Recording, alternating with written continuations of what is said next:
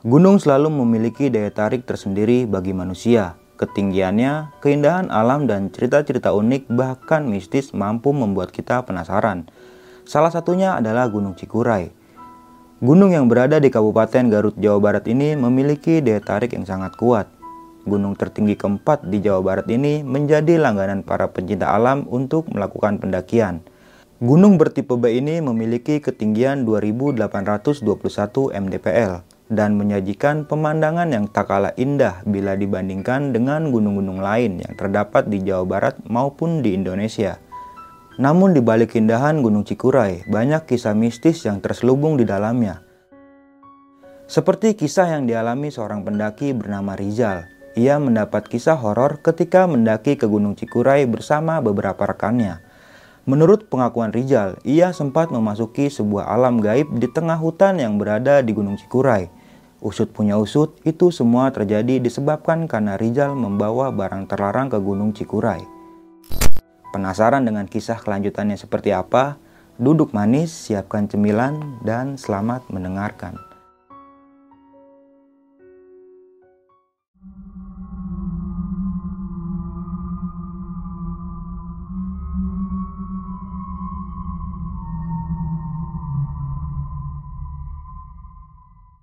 Assalamualaikum warahmatullahi wabarakatuh Balik lagi nih di besok pagi Kali ini bareng gue Bang Mange Pria gemoy tanpa bahan pengawet Sebelumnya gue sangat berterima kasih banyak buat teman-teman semua yang udah mensupport, menonton dan mendengarkan besok pagi hingga sampai saat ini.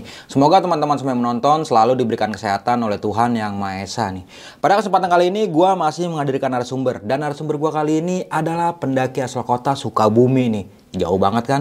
Oke, langsung aja nih gue sapa narasumber gue pada malam kali ini.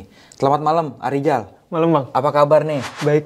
Sehat ya? Alhamdulillah. Arijal dari Sukabumi ya? Dari Sukabumi. Sukabumi mananya nih? Ah, kalau boleh tahu. Sukabumi kota lah. Sukabumi kota Cuman ya? ke arah kabupatennya gitu. Oke, jauh banget ya ke Bintaro dari Sukabumi ke Bintaro berapa jam tuh ah, perjalanan? Sekitar lima jaman pak. Wah, Karena ada kendala juga di jalan. gitu. kena macet ya, Kena macet, motor mogok Motor dan lain-lain. iya, iya. Oke nih ya, thank you banget ya sekali lagi ya udah mau datang dan mau berbagi Ya, semua sama-sama. pengalaman pendakian ini di Gunung Cikuray nih. Cikuray ya. Pada tahun 2020. 2020. Via Tapak Grot. Tapak Road bener.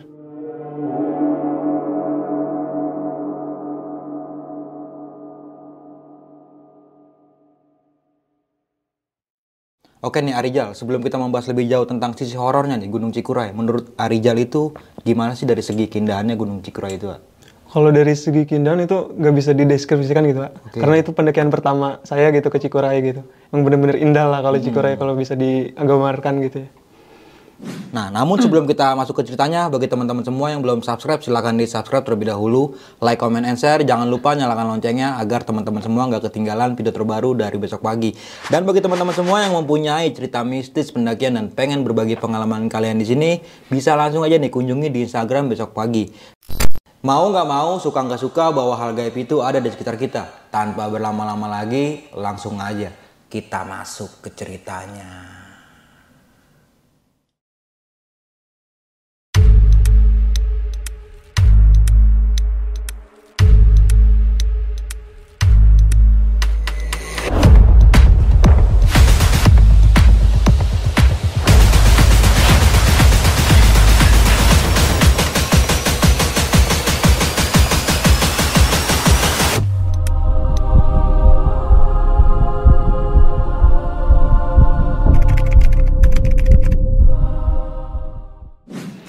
Nah pada awal cerita itu tuh di tahun 2020 ya, 2020 pertengahan kalau nggak salah bulan Juni kalau nggak salah. Saya masih ingat, saya tuh pengen banget naik gunung. Sebelumnya beberapa kali tapi bukan gunung, cuman bukit gitu aja gitu. Sampai saya eh, memutuskan untuk naik gunung dan ada teman yang punya planning buat naik gunung gitu dan ngerekomendasiin buat naik gunung gitu. Dan saya tanya ke dia, bagusnya naik gunung mana nih buat pendakian pertama saya gitu. Sampai dia ngerekomendasiin ke Gunung Papandayan tuh. Dan singkat cerita di situ saya eh, ngeiyain ajakan dia. Sampai di kalau gak salah tanggal 6 Juni itu, bener saya masih inget. Tanggal 6 Juni itu saya mengiyakan ajakan dia ke Gunung Papandayan. Dan dari 6 Juni itu saya langsung mempersiapkan pen- alat-alat pendakian saya lah buat ke Papandayan itu gitu. singkat cerita langsung saya masuk ke malam di mana pemberangkatan ke Garut ya Pepandayan kalau nggak salah di Garut gitu ya. Hmm. Saya langsung di malam itu tuh saya la- langsung ngontek teman saya dan bilang mau jam berapa nih berangkatnya gitu. Dan dia bilang kita berangkat dari Sukabumi dari jam 9 aja kalau nggak salah dari jam 9 kita berangkat dari Sukabumi menuju Garut gitu ya. Dan estimasi itu sekitaran kayak 6 jaman kalau Sukabumi de- ke Garut gitu. Nah, di sisi lain saya tuh sempet ngebohong dulu tuh ke mama. Sempet ngebohong tuh karena saya bilangnya nggak ke Garut pas waktu pendakian pertama itu. Saya bilangnya mau ke Gunung Gede Pangrango yang di ya ada yang di belakang rumah gitu lebih dekat gitu Cianjur gitu ya. Cuman saya sempet ngebohong dan mama saya percaya-percaya aja kalau saya ke Gunung Gede aja gitu. Tapi saya akhirnya memutuskan sama temen saya ini untuk pergi ke Garut gitu. Dan di sinilah awal cerita dari perjalanannya aja udah ada kendala sebab kebohongan saya terhadap mama gitu. Mm-mm. Saya berangkat dari jam 9 dari Sukabumi, itu tuh menuju Bandung dulu kalau nggak salah. Kita dari Sukabumi terus berhenti di Bandung Pusat kalau nggak salah. Dan temen saya ini kita panggil aja namanya Ubil gitu ya. Si Ubil ini berhenti di Bandung Pusat dan dia nyuruh saya nungguin di motornya aja. Dan dia bilang kayak gini, ya udah kamu tungguin aja di motor, saya mau ke warung dulu katanya. Saya nggak tahu dia mau melakukan apa gitu. Cuman ya saya ngikut aja karena saya ajakan dari dia gitu. Dia yang bawa motor, saya cuman ngikut keadaan dia mau gimana pun gitu ya. Sampai pada akhirnya dari Bandung Pusat itu kita lanjutlah ke Garut gitu buat ke base camp Papandayan. Sampai akhirnya di situ tuh kayak apa ya? Kita disesatin sama Google Map, A. Pas mau ke Papandayan itu. Itu tuh udah jauh dari jalur ke Papandayan gitu si jalan rayanya tuh. Kenapa jadinya ke Gunung Cikuray karena salah jalur itu pas mau ke Papandayan gitu. Sampai akhirnya kita memutuskan kita tuh di situ ketemu sama eh, bapak nasi goreng itu yang masih buka itu tuh udah sekitaran jam satu malam kalau nggak salah. Udah itu udah masuk Garut. Cuman ini emang udah Garut dalam gitu, udah jauh dari yang mau ke Papandayannya lah gitu, udah jauh banget gitu. Kita ketemu sama si bapak nasi goreng ini, kita tanyalah, Pak kalau mau ke Gunung Papandayan tuh jalannya yang bener yang mana gitu. Cuman kata dia tuh dia terheran-heran gitu ya. Karena kita tuh udah jauh gitu dari jalur jalan ke Papan ke Gunung Papandayan gitu. Kita tuh udah bener-bener masuk Garut dan akhirnya deket ke Cikuray. Oh, kelewatan gitu ya? Kelewatan gitu. Ah, iya. Sampai pada akhirnya teman saya ini memutuskan nelpon adalah temennya yang di basecamp Cikuray yang di Tapak Gerot itu. Dia tuh langsung nelpon "E, Gunung Cikuray buka gak nih gitu. Saya mau ke sana aja karena saya udah salah jalan tadinya mau ke Pepandayan gitu. Ya, saya ngikut gitu, ngikut dia gitu ya. Sampai pada akhirnya kat- kata teman yang di basecamp Tapak Gerot itu, ya udah sini aja cuman si Gunung Cikuray ini belum dibuka secara resmi. Hmm. waktu itu tuh masih pandemi gitu kalau nggak salah 2020 kan. Masih pandemi dan belum dibuka secara resmi. Tapi kalau mau katanya tapi kalau mau naik Cikuray sini aja ayo. Nggak apa-apa katanya. Saya nggak bisa sebutin namanya cuman adalah anak basecamp yang di Tapak Kerot gitu yang membolehkan gitu. Mm-mm. sampai pada akhirnya kita sampai di basecamp Cikuray itu kalau gak salah tuh jam 4 subuh dari jam 1 di tempat nasi goreng. tempat nasi goreng kita jalan lagi ke apa ke basecamp Cikuray itu sekitaran nggak jam 4 sih. Kalau gak salah tuh jam 3an dah. Jam 3 subuh gitu. Kita sampai.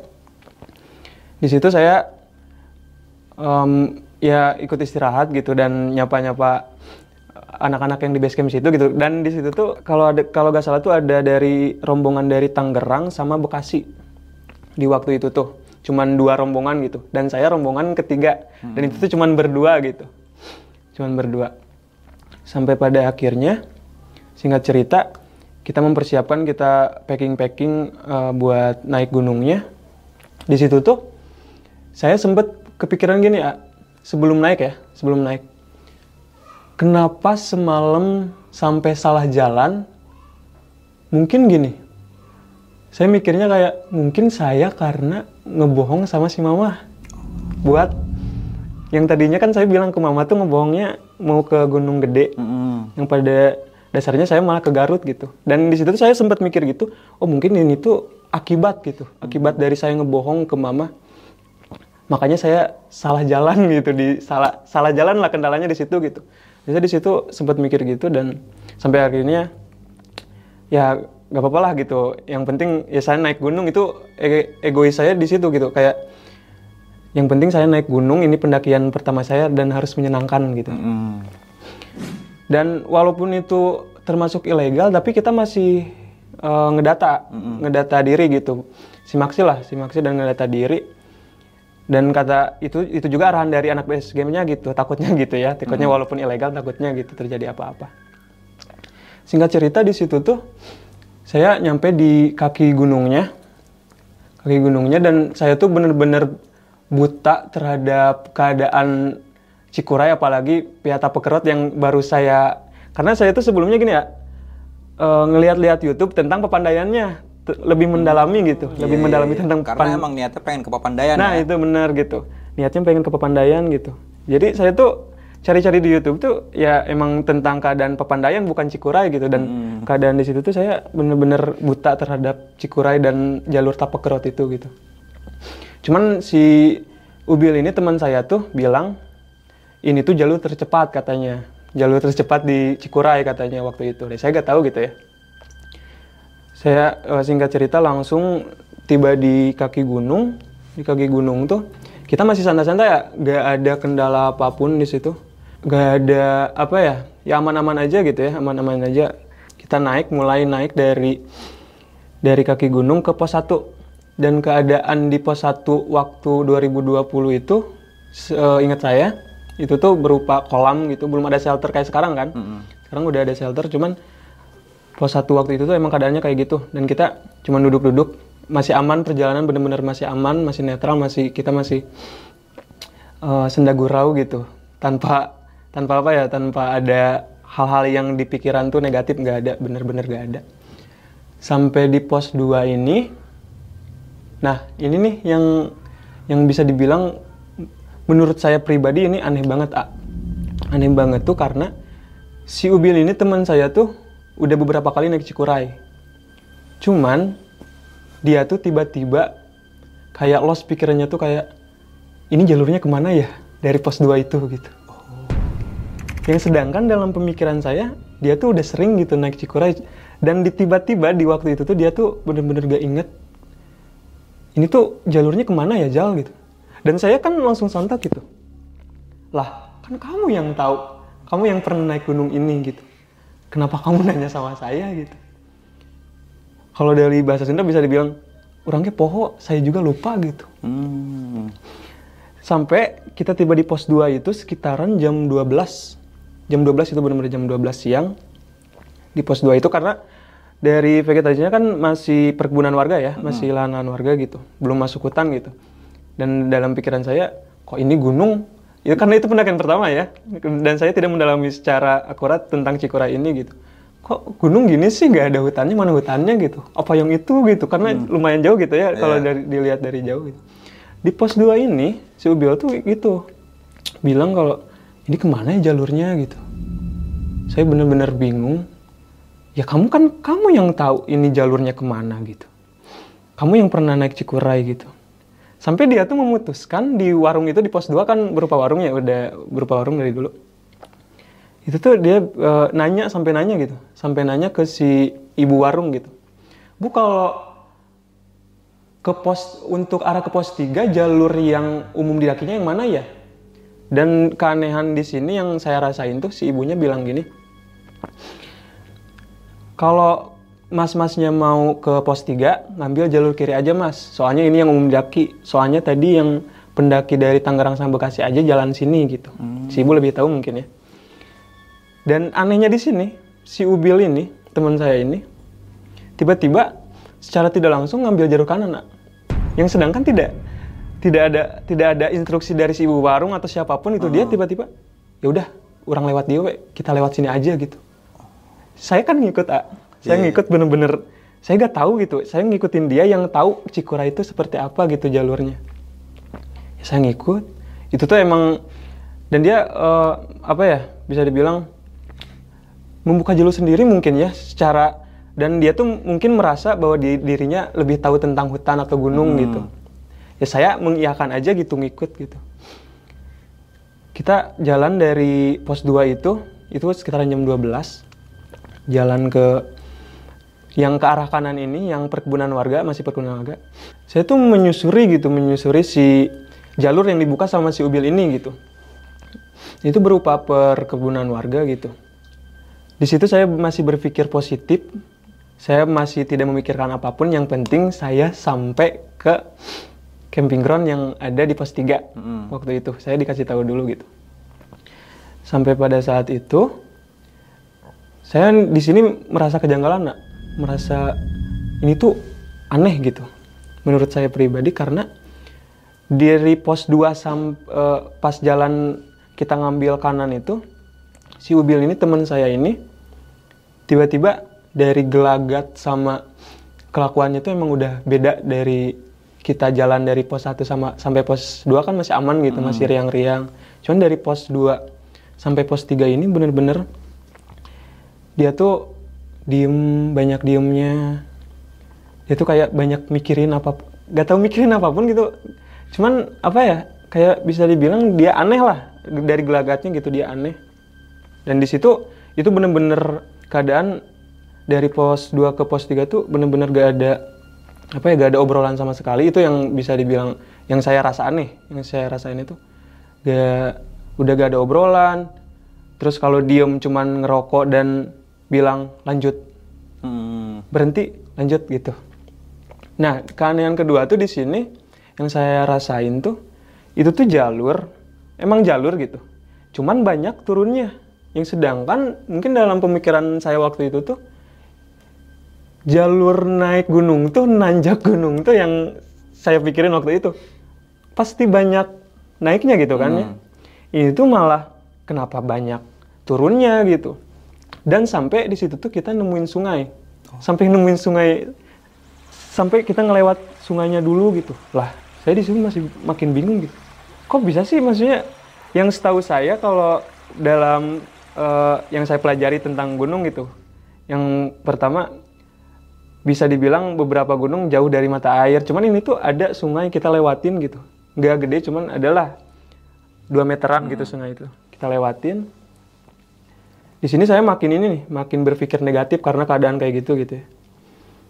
Kita tuh makin nanjak tuh gini ya jalurnya tuh bener-bener udah bisa dibilang itu bukan jalur yang mungkin dilewati manusia gitu. Kita sambil ngerangkak-rangkakin ya dari ini dari perjalanan itu pas ngambil pas ngambil jalur kanan itu. Kita ngerangkak-rangkakin lah kok gini sih gitu naik gunung? Saya masih berpikir kok gini sih naik gunung? Cuman saya masih masih bisa mengontrol diri saya tuh eh, buat berpikiran positif gitu. Cuman emang dalam pikiran saya gak bisa dibohongi lagi karena itu udah keanehan bagi saya sendiri gitu ya. Saya banyak mikir di situ. Sampai kita tuh nanjak gini nanjak. Sampailah di dari kayak tebing lah kalau bisa dibilang kayak tebing gitu jalurnya tuh. Kayak tebing. Nanjak nanjak sampai sampai apa? Sampai pegang-pegang rumput gitu sampai di atasnya itu nah di sini saya ketemu ibu-ibu ketemu ibu-ibu yang perwujudannya tuh kayak orang zaman dulu. Dari segi eh, penampilan gitu dari segi baju gitu. Itu tuh baju pakai baju kebaya saya masih inget gitu. Saya lihat dan teman saya juga lihat pakai kebaya hijau dan pakai sarung kebat kalau di Sunda tuh sarung kebat gitu yang gitu. Tapi bawa kayu. Dan saya masih mikir ini manusia. Tapi di dalam pikiran saya itu karena saya bisa dibilang saya itu penakut ah, kalau bisa dibilang. Dan pikirannya tuh bercampur aduk gitu kayak pikiran negatif ada pikiran positif ada. Pikiran negatifnya lebih ke saya melihat si ibu-ibu ini pakai pakaian zaman dulu kalau dalam pemikiran saya waktu itu gitu ya di satu sisi pemikiran positif saya tuh ini manusia karena dia bawa kayu dan kakinya napak di situ saya masih mikir bercampur aduk lah pikiran saya gitu waktu itu. Saya sempat nanya tuh dan Subil ini emang bener-bener gak, udah gak ada suaranya gak, gak ada obrolan.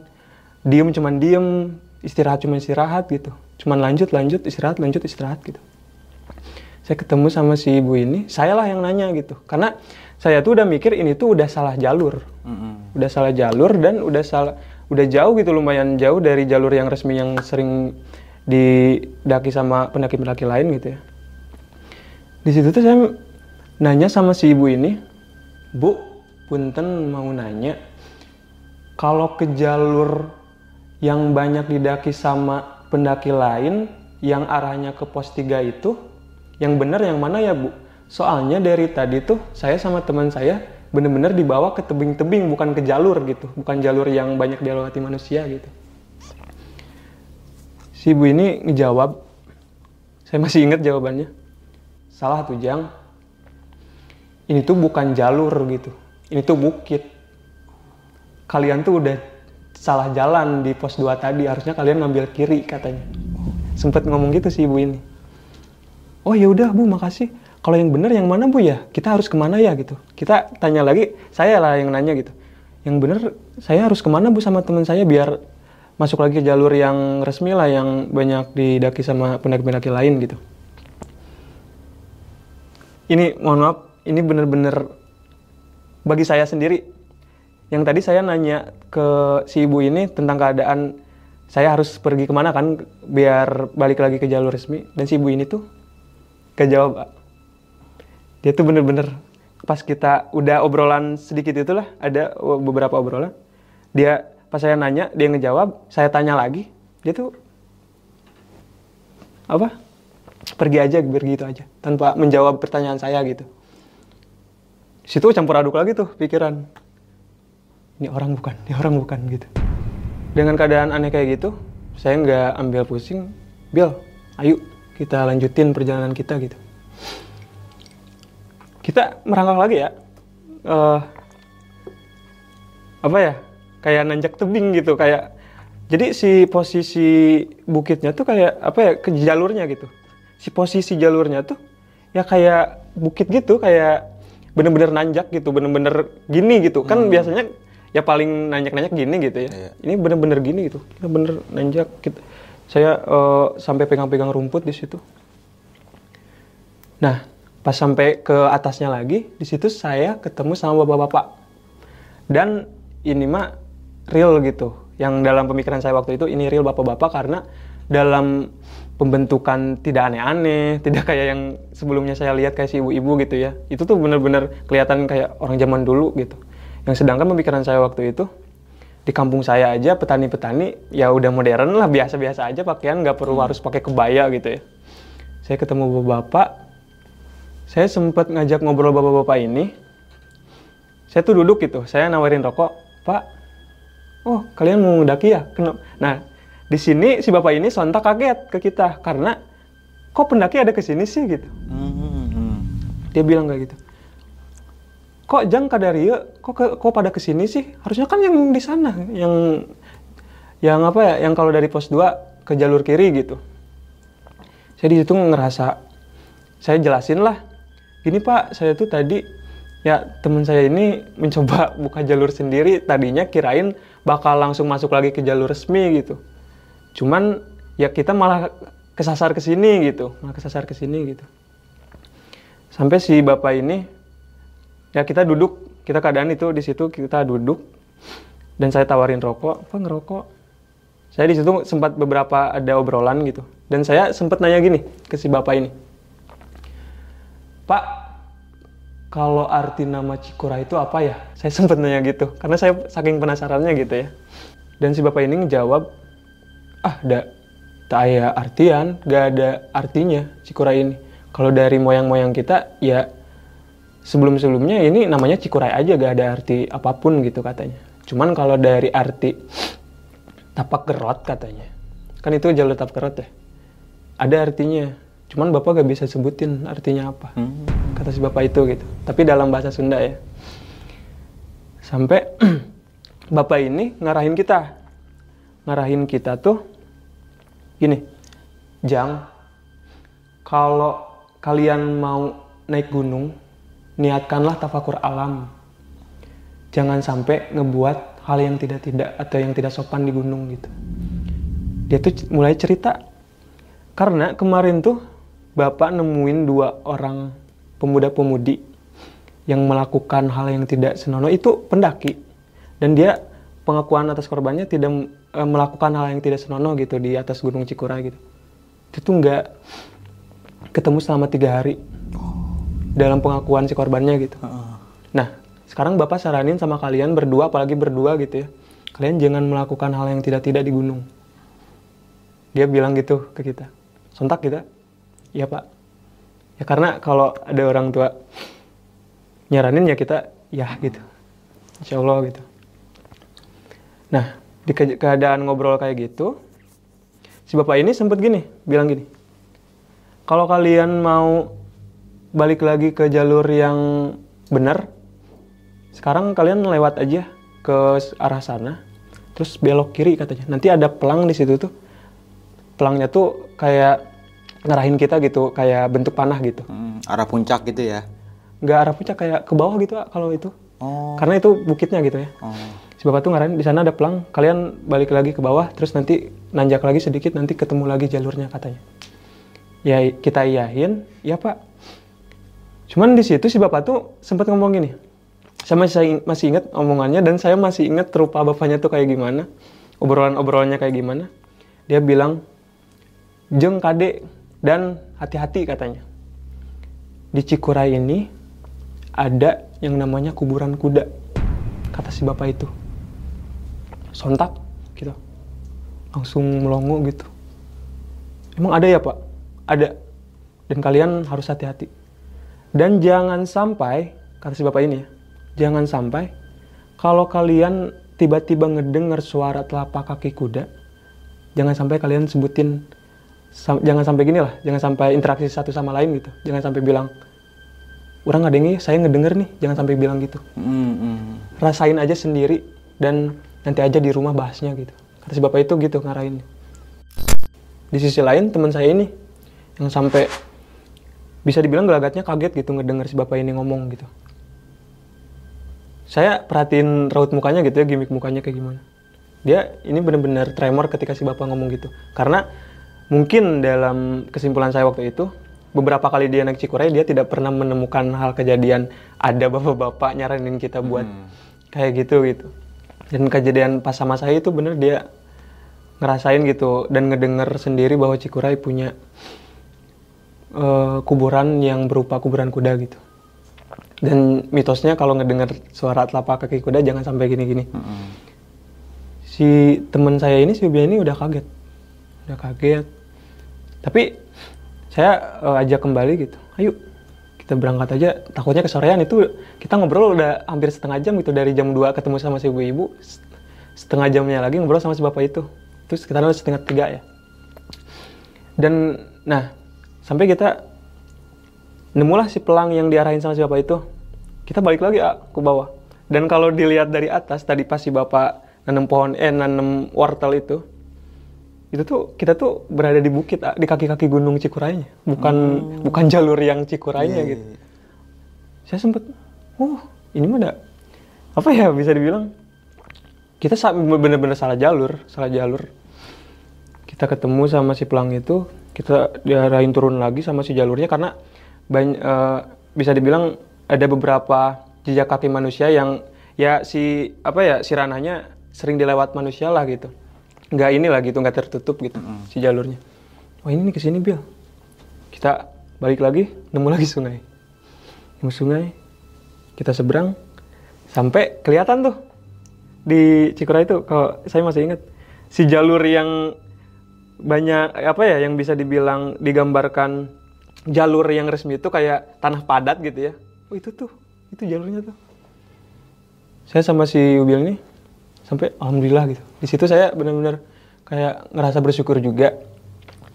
Karena ya ini bener jalurnya. Tadi kita salah jalan.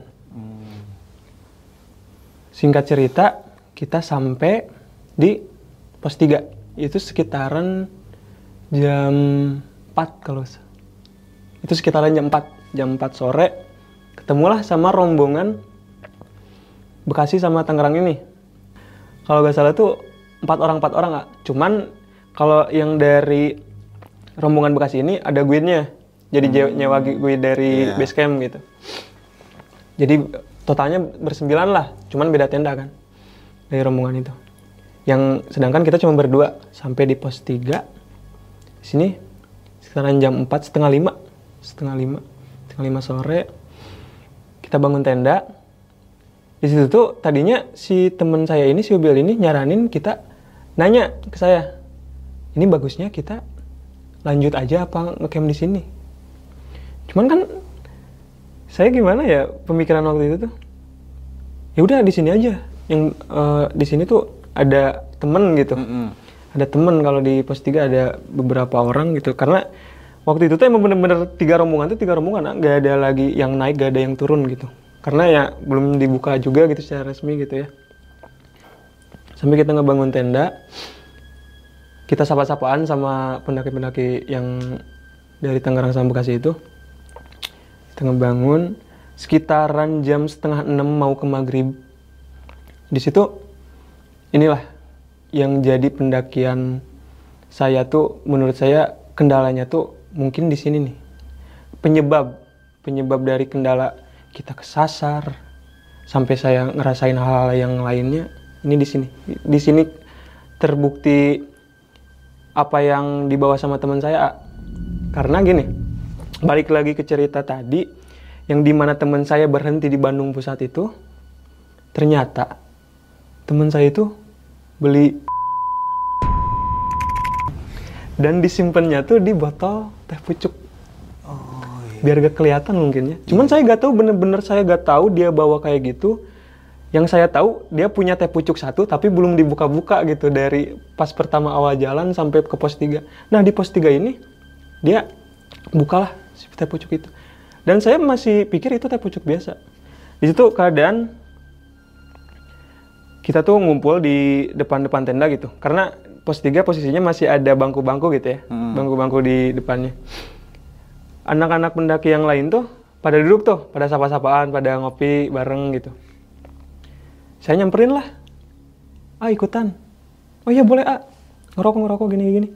Ini yang jadi mungkin yang jadi saya ngerasa malu di cerita ini tuh akibat ulah teman saya ini ya teman saya ini nawarin si botol teh pucuk ini ke anak-anak yang lain yang dari rombongan yang lain gitu. Kira saya masih pikir kan itu dia tanpa ada rasa salah, tanpa ada rasa dosa, dia nawarin gini. Ah mau gak? Dan si AA, yang pendaki-pendaki lain yang ngambil salah satunya yang ngambil teh pucuk itu, yang botol teh pucuk itu, dia sempat mau minum, minum cuman kecium baunya. Ah, nih gitu. Iya, sampai lah ini apa? Dia bilang gitu. Ini apa? Dan teman saya ini yang mungkin bisa dibilang gelagatnya memang sedikit ini ya, sedikit apa ya, sedikit ngaco lah. Dan sedikit gak sopan mungkin ya. Dia tuh kayak ini apa? Teman saya sambil cengengesan. Itu kayak bilang gitu, sempat bilang gitu. Si A ini langsung nolak Kak. Dan dalam gimmick raut wajahnya tuh dia saya yang lihat gitu ya. Lah, gila dalam pikiran saya tuh.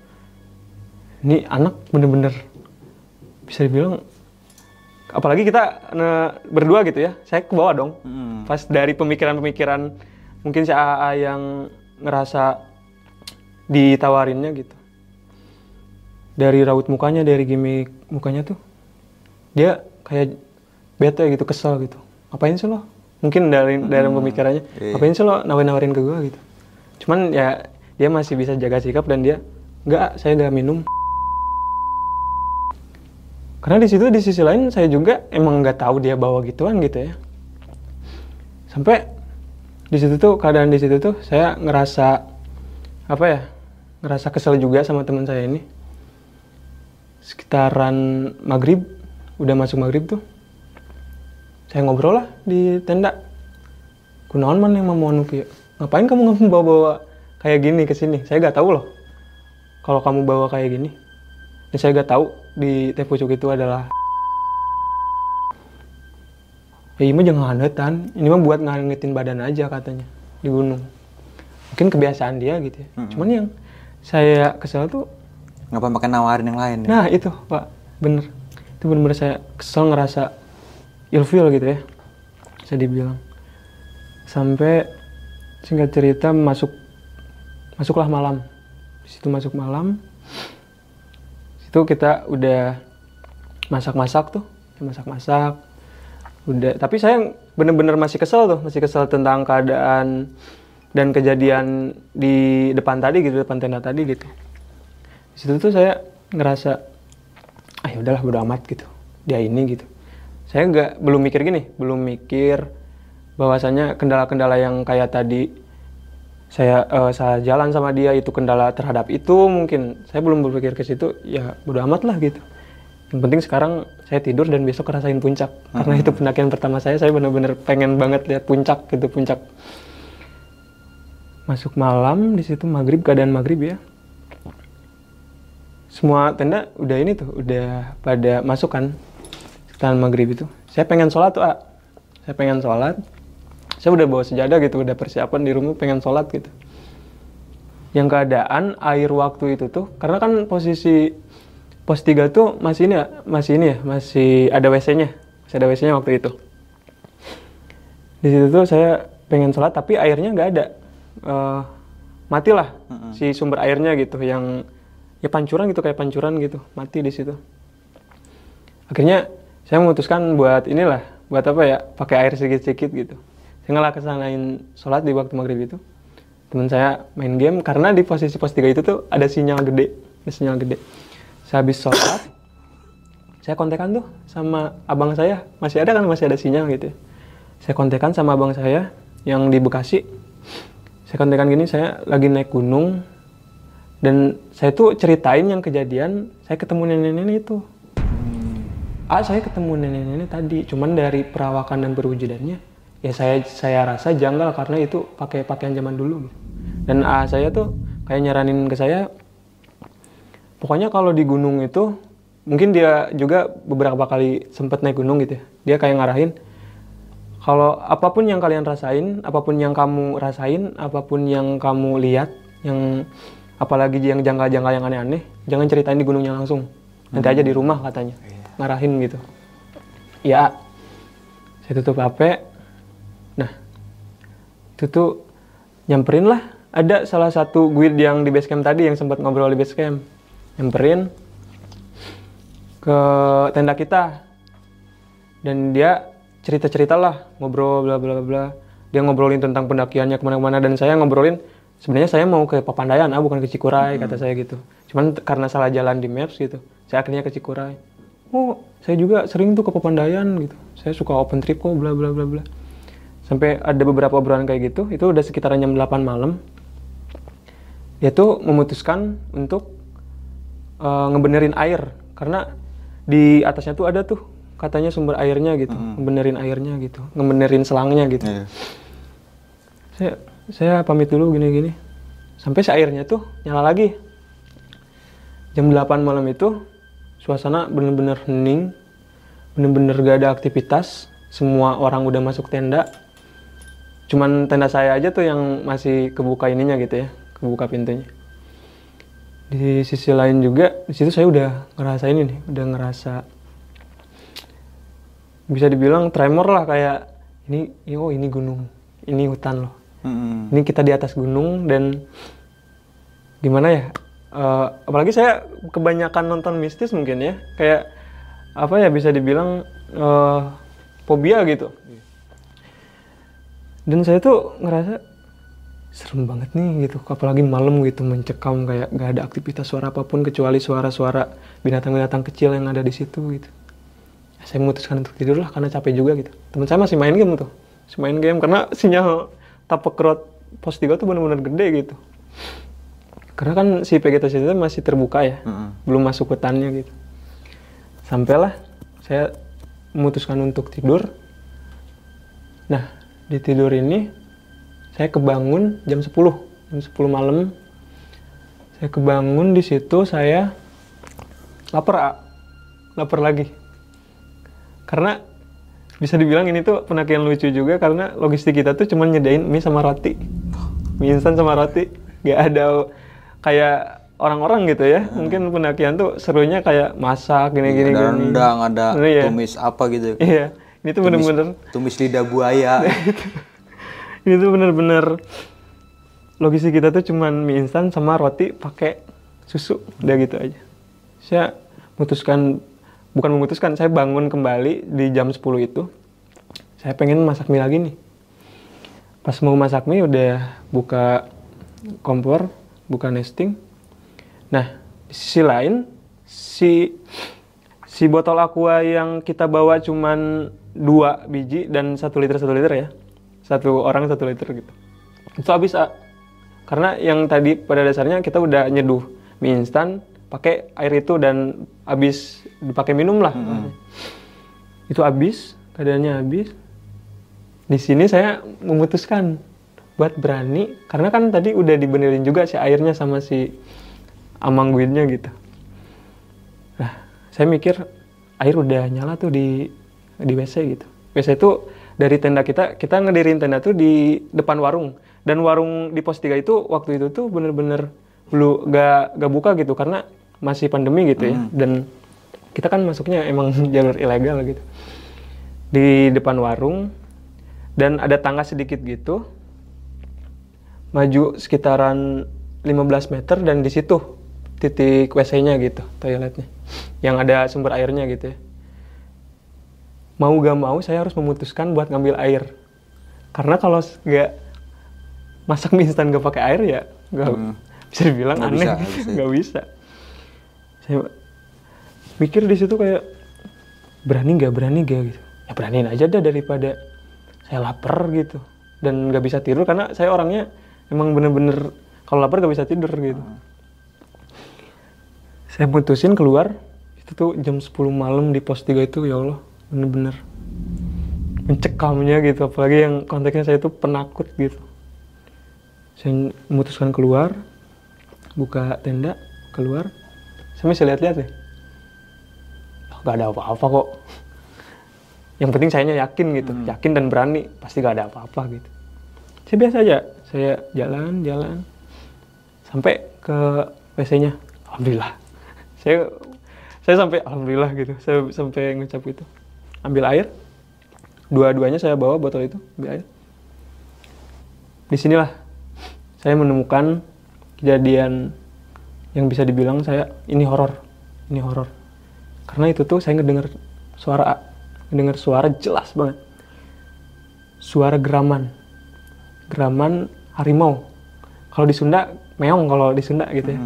Ini tuh suara geraman wah gitu. Saya kaget tuh astagfirullahaladzim. Saya benar-benar langsung langsung berdiri gitu. Dan ngelihat sekitar gitu. Ini pendengaran saya yang salah atau karena saya penakut gitu? Atau cuman em- emang beneran ada gitu sih suaranya gitu? Saya sempat mikir gitu. Saya percepat tuh jalan dari WC ke tenda gitu. Percepat percepat percepat. Kan ada tanjakan lagi nih. Kita harus nanjak lagi sedikit gitu pas mau ke tendanya. Nanjak nanjak situ ah, ada sosok kuntilanak di belakang tenda kita. Di posisi belakang tenda kita itu batu semua. Sebelum lanjut ke cerita, untuk kalian yang ingin menjadi narasumber di besok pagi dan mempunyai cerita horor dalam pendakian, kalian bisa kirim cerita kalian ke Instagram official besokpagi.idv atau melalui email besokpagi.ch@gmail.com. si rambutnya tuh nutupin semua sampai sini tapi kelihatan merah. Itu bukan kuntilanak putih kuntilanak merah. Yang sering kayak banyak lah mungkin ya yang kejadian eh, kejadian kayak gitu gitu. Itu bener-bener kuntilanak merah yang saya lihat gitu. Astagfirullahaladzim. Saya sempet sempet gitu Pak, ekspresi saya ya Allah. Tapi hat- hati saya gak bisa gak bisa berhenti ini gak bisa berhenti mikir gitu kayak berhenti berucap teh.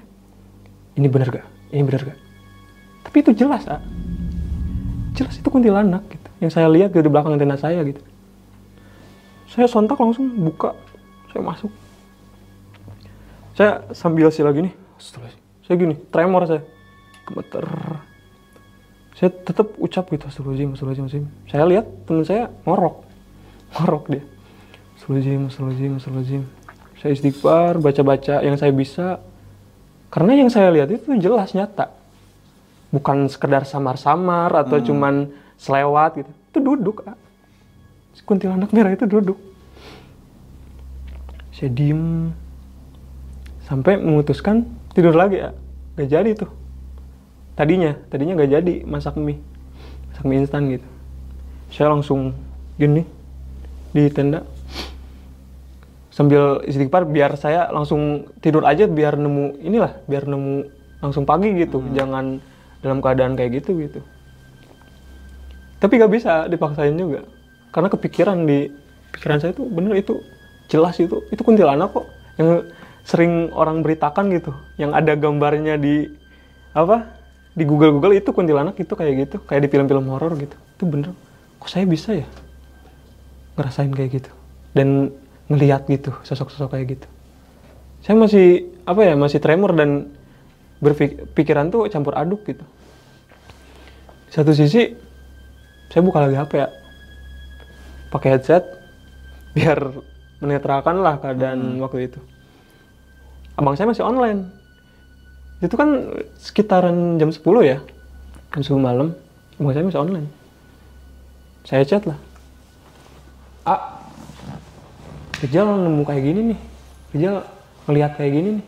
Ngelihat kuntilanak itu abang saya langsung balas tuh langsung ngebales. Apa pun yang kamu lihat apa pun yang kamu rasain pokoknya jangan disebutin di gunung itu. Jangan diceritain. Apalagi kamu cuma berdua gitu ngedaki. Saya balik lagi ke situ ah saya ngarahin lagi ke situ gitu. Hmm. ya udah. Di situ karena saya lapar ah ketakutan tuh kalah kalau sama lapar menurut saya. Saya langsung ya gak apa lah. Yang penting tapi masih tremor tuh masih gemeter masih mikirin gitu. Ya pokoknya makan langsung tidur gitu. Karena kalau gak makan gak tidur gitu. Masak mie makan makan cepet-cepet. Langsung tuh. Bisa tuh ditidurin. Cuman di keadaan ketiduran ini tuh saya kebangun lagi sekitar jam 3 subuh kalau nggak salah. Setengah tiga lah setengah tiga subuh. Saya ngedenger teman saya ini ngigo si temen ini. Ngigonya tuh kayak kalau di Sunda mah ada namanya tuh erep-erep kayak ditekan setan gitu. Hmm. kayak gitu ya? Iya, iya. wah, wah gitu. Temen saya wah. saya langsung langsung bangun kan. Lah bibil bil kenapa?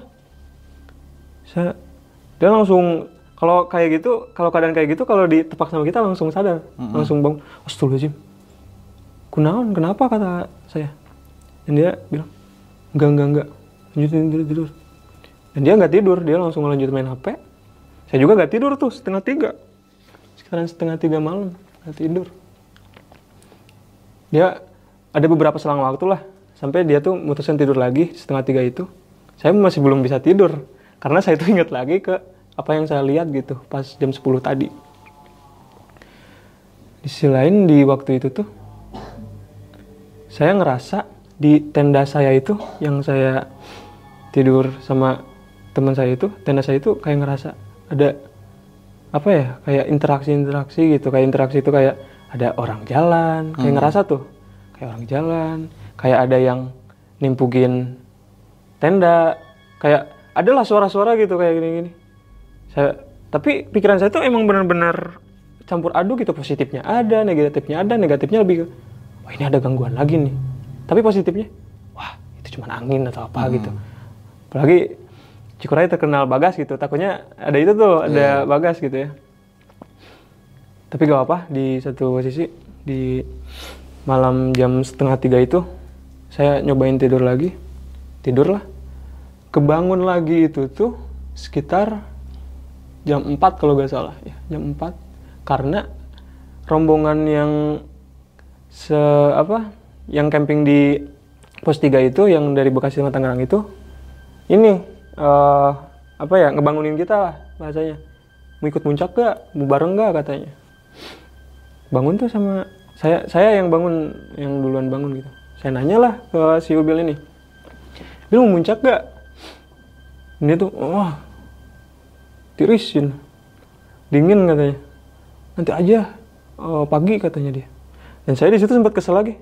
Lah kan saya pengen gitu pengen banget puncak kalau saya tinggalin sendiri Hmm. saya bisa di, bisa apa ya takut dibilang gak gak ini gak apa gak solider gitu atau gimana gitu.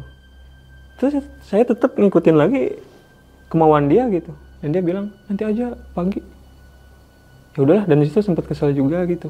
Karena saya nggak bisa aja saya ikut gitu sama rombongan yang lain gitu dan ninggalin dia sendiri. Tapi kan saya juga takut juga gitu takut terjadi apa apa juga gitu ya kalau dia cuma sendiri di tenda dan nanti nyusul kita gitu apalagi sendiri gitu ya. Udahlah saya ngikutin saya tidur lagi. Bangun tuh sekitar jam 6 jam 6 pagi bangun. Saya bangunin lagi tuh dek. Karena keadaannya saya pengen banget puncak kak. Bener- bener-bener kejar puncak. Saya pengen tahu saya pengen foto di puncak. Di pendakian pertama itu saya pengen sombong ke mama saya saya di puncak gitu. Hmm. dan di situ tuh saya bangunin lagi dia nolak. Masih tiris masih dingin. Kewe cina jam 8 kalau kalau nggak salah dia bilang. Nanti aja jam 8 gitu. Saya kesel lagi gitu di situ. Lah kok gini sih? gitu. Pendakian pertama masa ke puncak sih? gitu. Saya masih kesel di situ. Bangunlah dia jam sekitaran jam setengah delapan itu bangun. Dia langsung nyuruh gini masak sarapan dong katanya saya kesel lagi tuh. Lah dia kok ber- ini ya apa bisa dibilang seenaknya gitu. Bisa kalau di Sunda tuh kayak abung kene itu apa ya bahasa Indonesia? Meloncong apa gimana? Ya, kayak meloncong mungkin dia ini gitu apa ya sering gitu sering naik gunung gitu ya. Tapi saya bener-bener turunin lagi ego ya gak apa lah gitu. Emang sifatnya kayak gitu mungkin gitu. Jam 8 setengah 8 itu dia bangun kita masak. Saya masak sendiri tuh buat saya aja sendiri gitu. Masak mie instan lagi ya. Sama roti itu ada tambahan roti pagi-pagi gitu. Makan makan makan. Selain udah singkat cerita kita muncak lah sekitaran jam 9 jam 9 pagi tuh. Emang ada yang muncak jam 9 pagi gitu. Karena dia, dia bilang summit. Summit kan waktunya mungkin ter, ter- ada waktu-waktu tertentu gitu ya kalau summit. Jam 9 ya nggak apa-apa lah yang penting puncak yang penting puncak di pos 3 itu kita kan diarahin ngambil ke kanan dulu ke atas sebelum masuk hutan ya ke, sebelum masuk ke pos 4 pos 3 ke pos 4 kita belok kanan langsung ada ilalang tinggi. Pas pertengahan pos 3 ke pos 4 barulah vegetasinya tertutup ada kita masuk hutan benar-benar masuk hutan gitu. Saya ada sedikit rasa senang juga. Oh ini nih hutan saya masuk hutan gitu. Ya masih aman-aman aja. Si Will ini gak ada apa ya gak ada interaksi apa pun gak ada gelagat yang aneh-aneh gak ada.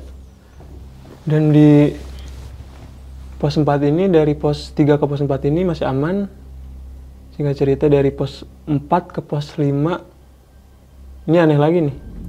Aneh laginya saya mikirnya masih pos itu karena dia capek mungkin gitu ya. Karena capek tuh dia gak ngomong dia kayak gini dia banyak ngelamun mungkin dia capek gitu. Cuman dari pemikiran saya waktu itu tuh kayak ya kalau capek ini aja gitu ambil senangnya aja nanti biar gak, capeknya hilang gitu. Daripada didiemin kan gitu daripada ngelamun gitu. Tapi saya nggak berani ngomong cuman yang ngikutin aja lah ngikutin kemauan dia gitu. Ngomong ngobrol ayo enggak ayo gitu ya. Saya netral gitu.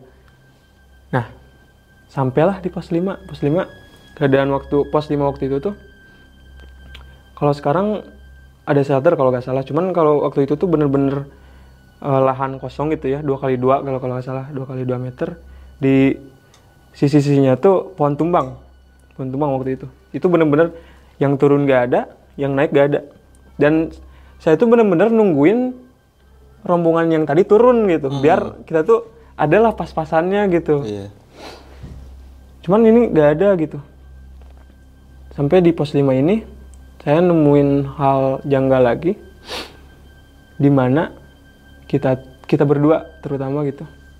Kita berdua tuh ngedenger suara teriakan nenek-nenek. Kayak perempuan tapi lebih ketua gitu. Dan posisi si teriakan itu tuh di jurang yang di bawah yang deket Ciubil Mm-mm. si Ubil tuh kan duduk gitu ya di po di pohon bahan apa? Itu pohon tumbang. pohon tumbang yang di sisi-sisinya dia duduk dan di sisi-sisinya tuh jurang gitu bener-bener jurang gitu. Itu tuh teriakan cewek tapi lebih ke ibu-ibuan gitu ya kayak nenek-nenek gitu suaranya. Wah gitu. Kita dengar berdua. Dia dengar saya dengar yang jadi kagetnya tuh sontak gitu. Pas ngedenger kita berdua ngedenger itu si Ubil ini langsung ngejawab pak. Si Ubil begini dengan sompral maaf ya. Naon anjing? Hmm. langsung gitu. Saya langsung raut muka saya ya Allah kenapa dia berani banget gitu ya ngejawab gitu? Dan di situ ada obrolan sama Subil ini obrolan sedikit. Kenapa kamu jawab gitu? Saya bener-bener merasa kaget karena dia tuh jawabnya apalagi jawabnya gak sopan gitu ya. Kaning gitu kan. Berisik gitu.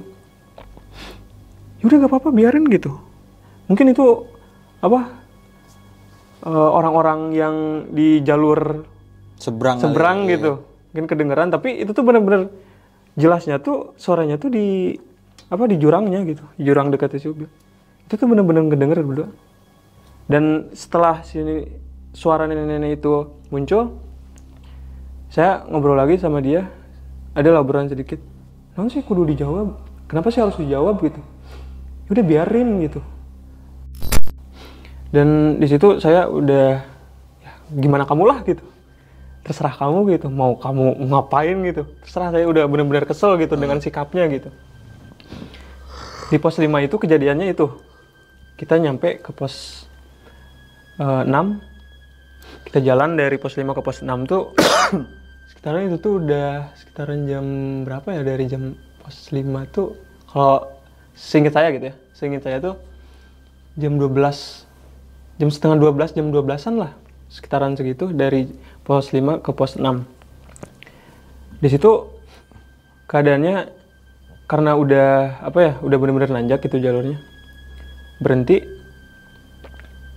Dengan bilang dia di depan kan teman saya ini di depan dia tuh masih sempet ah. karena bilangnya dingin gitu. Dan emang keadaan waktu itu eh, turun kabut gitu ya dan saya tuh emang bener-bener nungguin yang apa? Rombongan, rombongan Bekasi Tangerang ya. rombongan yang Bekasi Tangerang itu gitu. Buat turun gitu buat papasan nah di pertengahan pos 5 ke pos 6 ini ketemunya ya bang baru muncak katanya. Ya bang ke ketiduran gitu. Makanya baru muncak sekarang. Udah hati-hati puncak dikit lagi kok. Pos 6 di pos 6 deket katanya. Udah bang. Pos eh, rombongan itu udah berlalu gitu si Ubil ini di pertengahan pos 5 ke pos 6 ini masih sempet tuh minum karena dingin mungkin ya. Ya saya saya tuh yang jadi kecelnya tuh berani banget gitu nih orang gitu. Mungkin nggak pernah ngedenger cerita horor mungkin ya gitu. Tentang pendakian-pendakian gunung yang gak sopan gitu. Dia santai dengan santainya mungkin sikapnya emang kayak gitu gitu minum. Dan yang saya simpulkan pada waktu itu tuh kenapa dia banyak kelamun kenapa dia gak mau banyak ngomong mungkin ada pengaruh dari si minuman itu atau efek gitu. Saya ngambil kesimpulannya gitu oh mungkin bikin itu bukan karena capek-capek amat gitu dan bukan karena gak mau ngomong-ngomong amat gitu. Saya masih mikir kayak gitu di situ menyimpulkan lah. Sampai pos 6 aman tuh. Aman gak ada apa pun. Karena eh, apa ya bisa dibilang masih inilah masih matahari masih kelihatan tapi udah turun kabut keadaannya. Sampai pos 6 sampai lah puncak singkat cerita tuh. Sampai puncak di puncak tuh gak lama cuma setengah jam.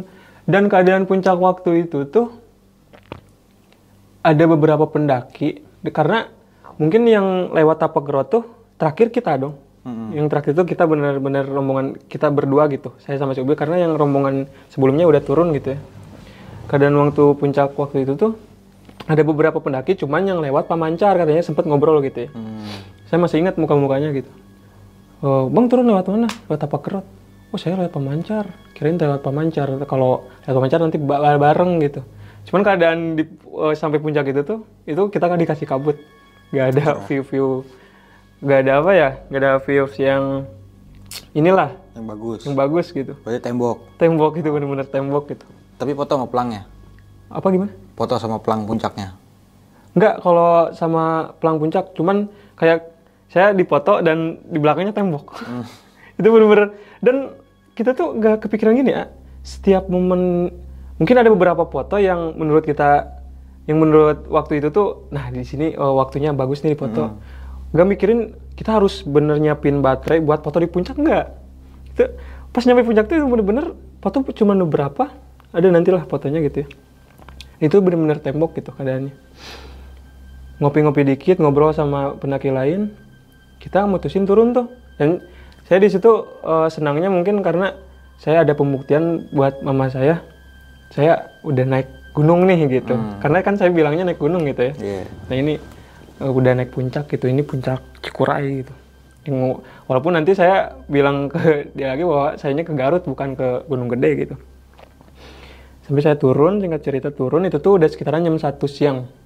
Jam satu siang saya turun dari puncak ke pos 6 masih aman. Nah tiba-tiba di pos 6 pertengahan pos 6 ke pos 5 ini saya sempat mikir gini ya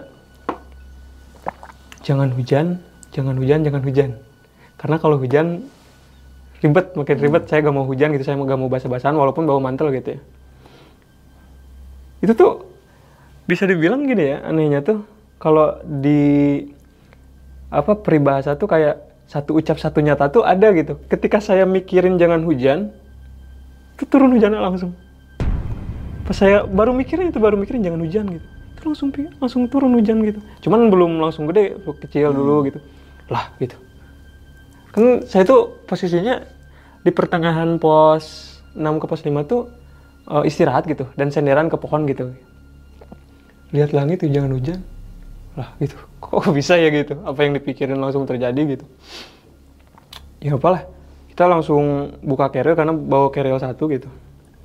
Kita buka carrier buat ngambil mantel. Teman saya pakai saya juga pakai.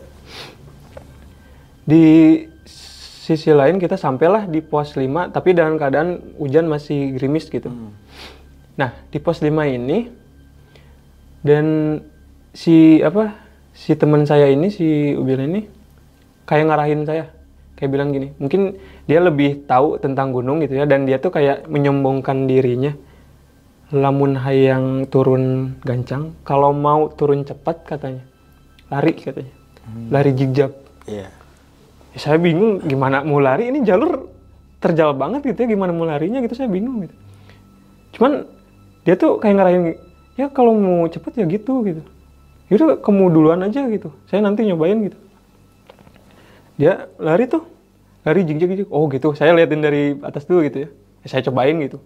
Dan beberapa kali sempet jatuh karena eh, hujannya udah lumayan Hmm, lumayan deras juga gitu. Udah membasahi lah gitu. Di situ beberapa kali jatuh tuh sampai saya nahan ke dahan pohon dan si dahan pohonnya tuh ada durinya gak tahu pohon apa.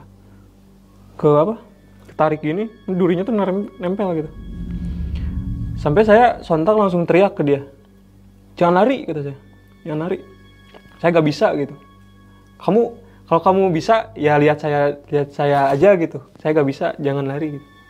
Ah mana mah ah kamu mah katanya ya udah jalan biasa lagi dari pos 6 ke 5 aman. Lim, tapi hujan masih makin deras tuh makin deras dari 5 ke 4 ini turunlah kabut kabut yang bener-bener tebal gitu. Satu meter pandangan kita tuh nggak kelihatan nak. Misalnya si mobil ini di depan gitu satu meter gitu. Saya di belakangnya. Itu udah samar-samar gitu. Cuman kelihatan yang berwarna aja gitu. Nggak kelihatan semua bentuk badannya gitu. Oh ini makin mencekam nih gitu. Cuman saya bener-bener berpikiran positif. Nggak ada berpikiran ke hal-hal yang saya udah alamin waktu malam atau waktu kemarinnya gitu ini nih yang gak bisa saya lupain seumur hidup saya di pendakian pertama saya sampai sekarang mungkin pendakian 2020 sekarang udah 2023 saya gak bisa lupain kejadian ini karena saya ketemu sama si nenek yang pakai kebaya itu lagi di pos di keadaan pos 4 mau ke pos 3 pertengahan saya ketemu lagi tuh. Ketemunya tuh gini. Saya tuh kan si Rubil ini masih sempet sempet lari-lari dikit gitu ya. Hmm. dan keadaan itu tuh turun kabut hujan berhenti. Hujan berhenti kita tuh berhenti dulu di sekitaran pos 4 ke pos 3 ya kalau nggak salah pos 4 ke, mau ke pos 3 di pertengahan itu itu tuh kita tuh eh, sempet diem sempet diem buka mantel kita berdua buka mantel kita langsung kita masukin ke si Keril. Keril. Dan saya masih kesel karena teman saya ini masih ini loh, masih sempet-sempetnya gitu. Sempet-sempetnya minum, Pak. Sempet-sempetnya minum. Itu sih yang paling saya keselin tuh itu. Sempet-sempet minum gitu. Tapi saya di situ udah nggak mau ngomong gitu. Udah, udah amat gitu. Terserah kamu gitu, mau minum mau enggak gitu. Dia nawarin di waktu keadaan kita buka mantel tuh. Tapi kabut udah turun kan, hujan udah reda. Dia nawarin, Jai genas ya, tiris. Jai enak loh gitu. Jai enak loh ini gitu. Ini keadaan dingin enak loh. Enggak. Saya benar-benar nolak di situ, nolak. Sampai eh, saya tuh dia tuh udah lepas keril ya, udah dimasukin ke eh lepas keril maaf. Lepas mantel dimasukin ke keril. Dalam keadaan saya juga karena saya tuh pakai mantelnya tuh pakai mantel motor A, yang eh, celana ini gitu. Oh, yang kepisah ya? Iya, yang kepisah. Kecuali dia tuh pakai mantel yang yang apa ya? Yang setengah gitu, yang kresek gitu. Dan dia kan duluan tuh eh, buka mantel, dia masukin. Dia tuh tiba-tiba, Cel orang tiolanya, Cel gue duluan gitu. Dia bilang gitu, dia ninggalin saya. Saya yang keadaan saya, saya tuh lagi buka buka mantel buat masukin ke carrier gitu. Lah, dia tuh lari. Si Ubil ini lari lari dari pandangan saya gitu dan kabutnya tuh bener-bener tebal gitu ya. Kabutnya bener-bener tebal. Dan vegetasinya tuh waktu itu tuh kita tuh udah lumayan keluar hutan gitu. Jadi pohonnya tuh emang udah kecil-kecil dan banyak ilang-ilang tinggi gitu. Di sini saya ketemu lagi si nenek itu. Saya tuh di keadaan itu tuh kan saya mau nyoba nyusul nih nyusul si Billy. Karena dia tuh kayak dia orang tiola saya duluan. Dia tuh udah gak ada. Saya sendiri di keadaan saya buka mantel itu. Saya masukin mantel. Lah kok ninggalin sih gitu? Saya gimana ya saya cepet gitu buru-buru minum sedikit. Saya nyoba lari tapi nggak lari-lari amat gitu Eh, jalan jalan cepat Jalan aja cepat gitu. lah ya. iya. Di satu sisi di situ tuh kabut mulai membuka. Dan apa vegetasinya udah benar-benar kayak kebuka gitu kayak kebuka kayak nggak kayak di hutan sebelumnya gitu kayak nggak kayak ke apa ya jalan ke pos 4 gitu benar-benar hutan rimbun yang tertutup gitu. Ini udah mulai kebuka. Saya benar-benar sendiri di situ keadaan di situ. Cuman saya sambil teriak-teriak pil pil gitu. Karena saya gak mau gitu ya ditinggalin sendiri apalagi takutnya gini. Kenapa dia tiba-tiba ninggalin saya? Takutnya saya berpikir negatif tuh di situ. Takutnya itu anak ke mana gitu dibawa? Apalagi kan saya orangnya pesimis gitu ya. Langsung apa ya langsung mikir ke arah situ gitu saya bener-bener teriak pil pil pil, pil. Gak ada jawaban gak ada jawaban. Di satu sisi saya capek ya capek. Saya duduk sambil pegang lutut gini.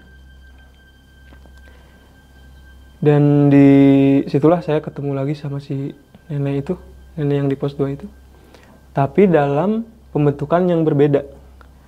Dari raut muka dan dia kalau kita lihat di waktu pos 2 ke pos 3 itu saya ketemu dalam perwujudan kayak manusia biasa benar-benar normal gitu. Dari dari apa dari raut muka ya gitu. Nah dari perwujudan mukanya tuh dan dari pembentukan tubuhnya ini eh, pucat gitu mukanya pucat dan di belakang tuh ada benjolan nak kayak nenek bongkok gitu. Saya kaget tuh. Kok ada lagi nih?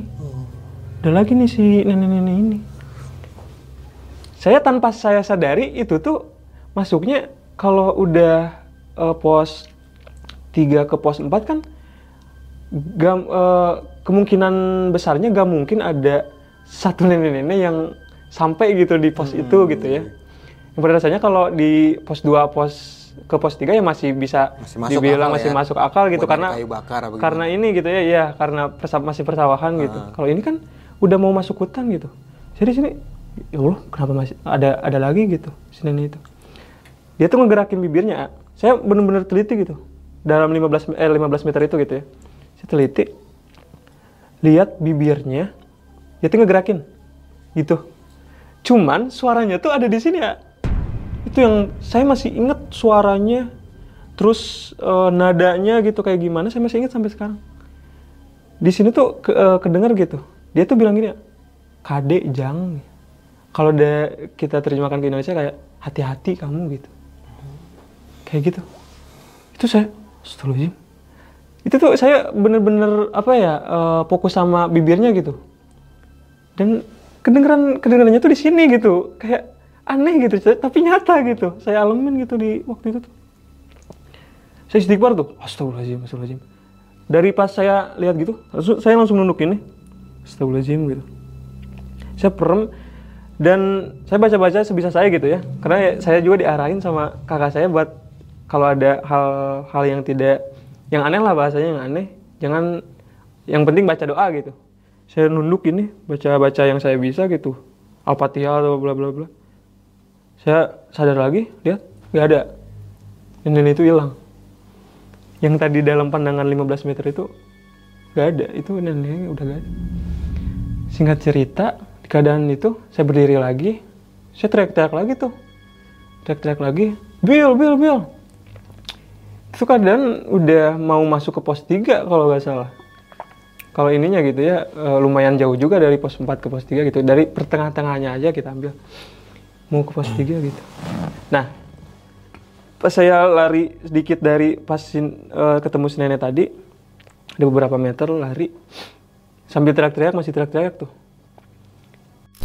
Kalau dari kita bicara tentang pos 3 ke pos 4 tuh kita masuk kita eh, ke kanan dulu ah, kalau dari pos 3 ke pos 4 kan gini kan jalannya gini.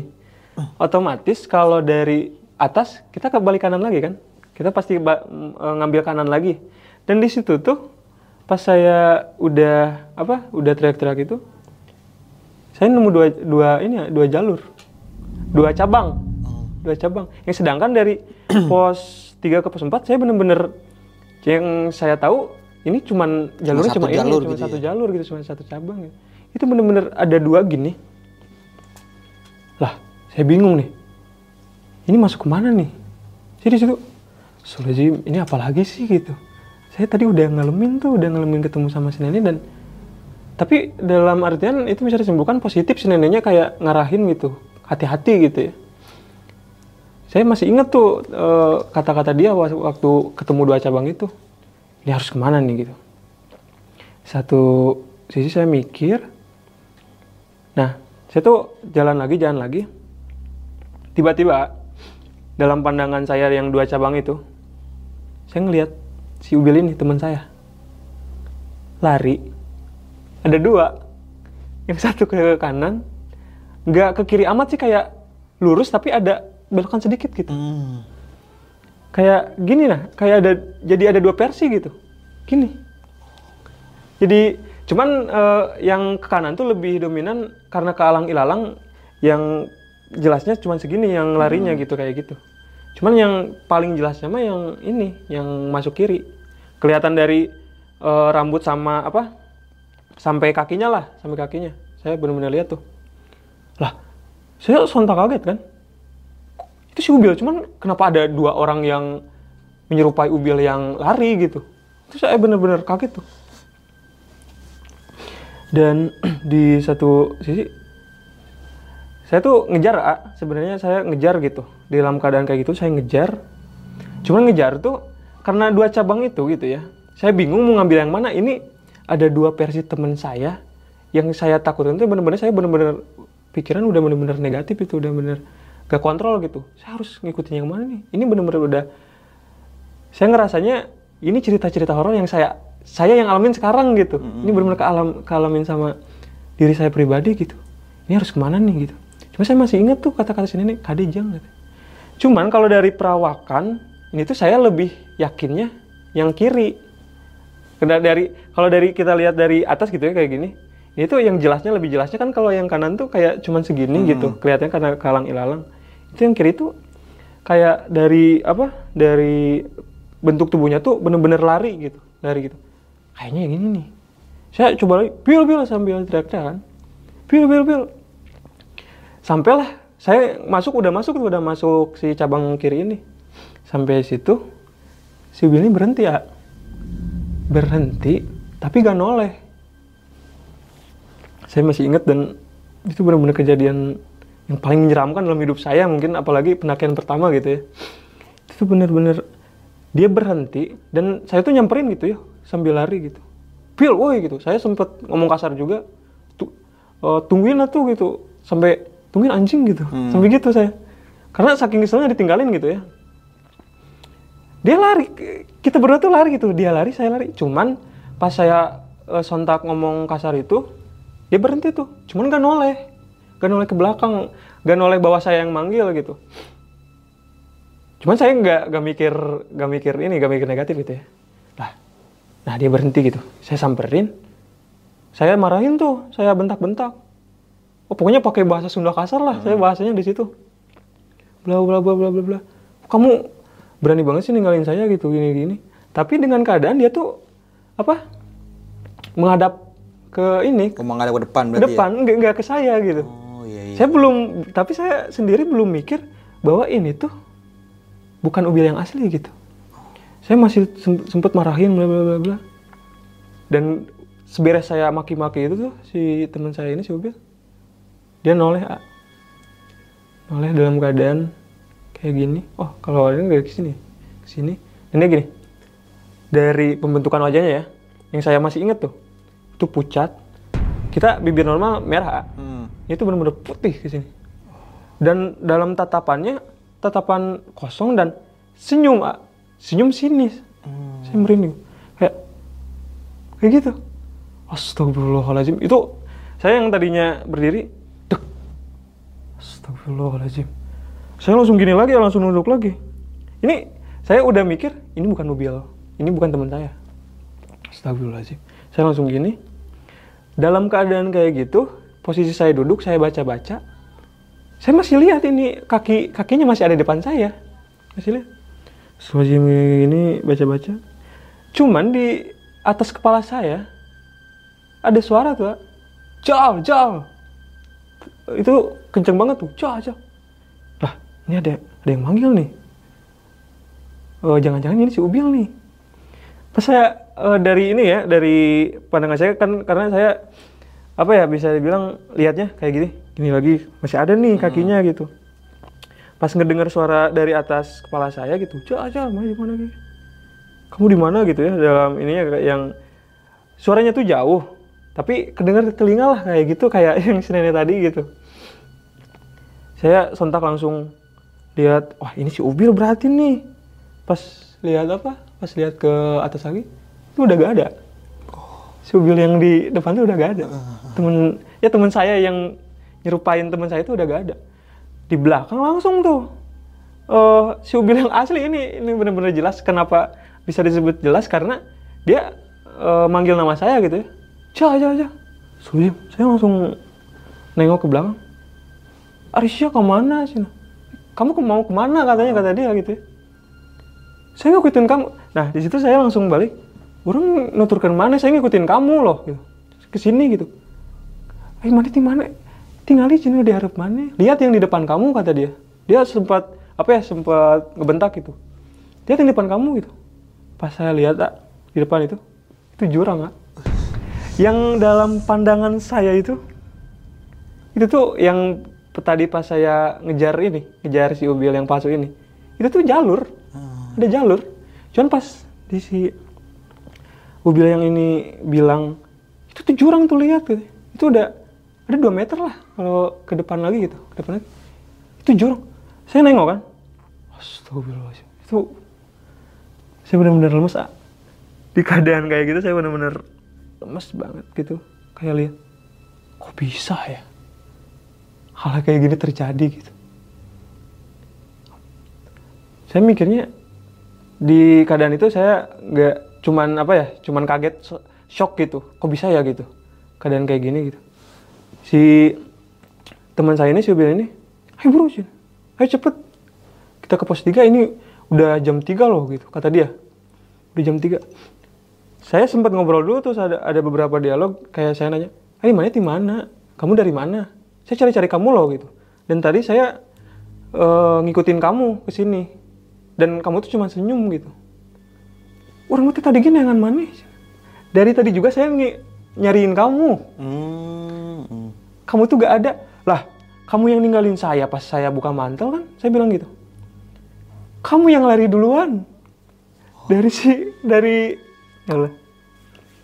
dari pengakuan si Ubil ya. Di pengakuan si Ubil tuh dia bilang gitu. Kamu yang lari duluan kok. Karena kan tadi juga saya bilang kalau mau cepet lari. Hmm. Eh, saya pikir kata si Ubil nih saya pikir kamu lari duluan ya emang pengen cepet nyampe tenda gitu. Itu jadi kayak dua alur yang berbeda gitu. Iya, kayak ditutupin pandangan gitu ya. mungkin kayak gitu mungkin. Saya bener-bener ya Allah gitu. Yaudah nanti aja bahasnya di di rumah gitu. Jangan jangan di sini. Saya juga balik lagi ke perkataan abang saya gitu ya. Udah tuh, ayo buru cepet. Nyampe lah kita yang bener emang masuk kanan nak. Hmm. masuk kanan dari pos 4 ke pos 3 tuh kanan ini ya bener. Dan itu bener-bener saya yang paling nggak bisa di ini.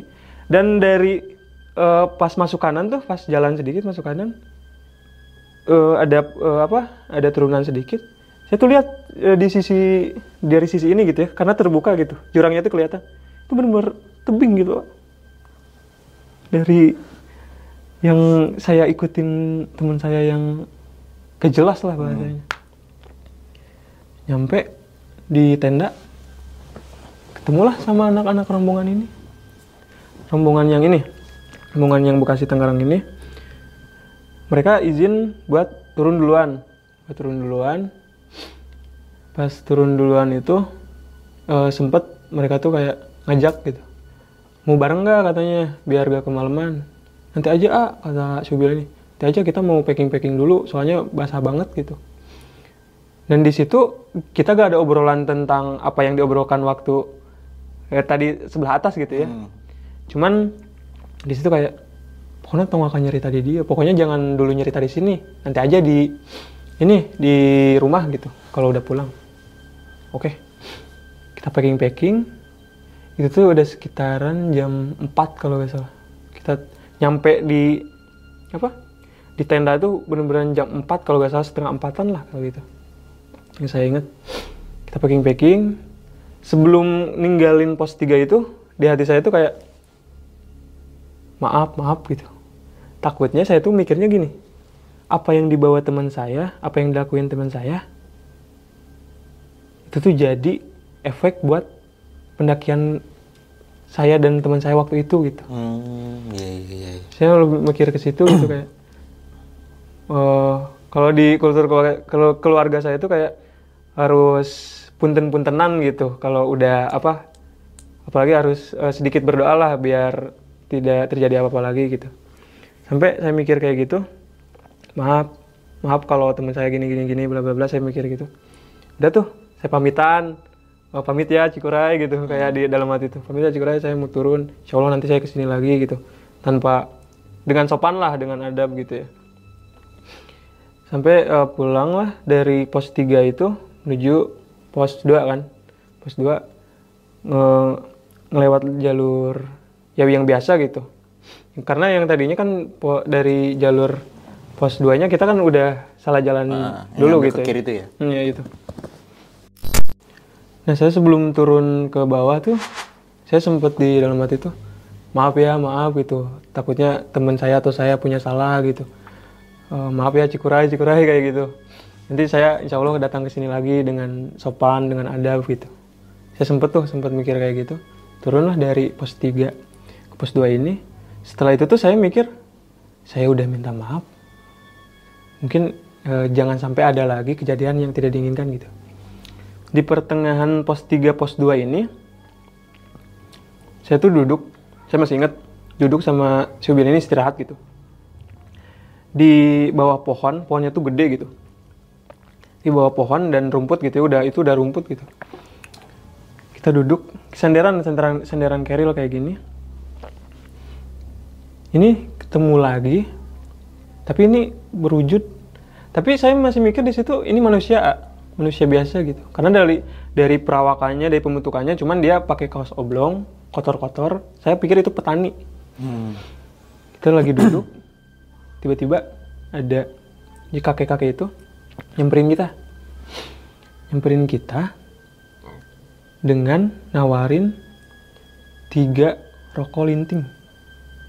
Tiga rokok linting. Mungkin dalam uh, kesimpulan positif saya dia kenapa nawarin? Karena ngelihat kita istirahat tanpa ngerokok. Mungkin dalam pemikiran positif saya gitu ya. Iya. cuman saya juga berpikir negatif karena dia tuh tanpa ada ngomong apa pun nak. dan yang jadi anehnya tuh gini teman saya kan ini eh, senderan berdua gitu ya dia di sini saya di sini dia main game sempet sempet main game untuk istirahat main brawl Iya, iya. main game dia tuh gak ngeh kalau ada kakek-kakek yang nawarin rokok Hmm. tanpa ada satu kata pun dari kakek itu gitu ya. Cuman saya enggak. Kan saya gini. Ya kayak dia cuman gini dari kakeknya kayak eh, ngalurin tangannya. Kayak gini. Di, di tangannya tuh ada tiga rokok linting. Rokok yang pakai tembakau Pakai- gitu pakai ya. kaung ya? Kaung ya gitu kayak gitu. Saya bingung kan. Kumaha kek? Gimana kek gitu. Dia gak jawab. Dia cuma gini. Enggak maaf kata saya. Saya cuma gitu. Di satu sisi pikiran saya gini. Kalau saya ambil takutnya terjadi apa-apa. Tapi kalau gak saya ambil dia udah nawarin tapi dengan gelagat eh, aneh gitu. Mm-mm. Dan saya memutuskan tidak ambil. Kak.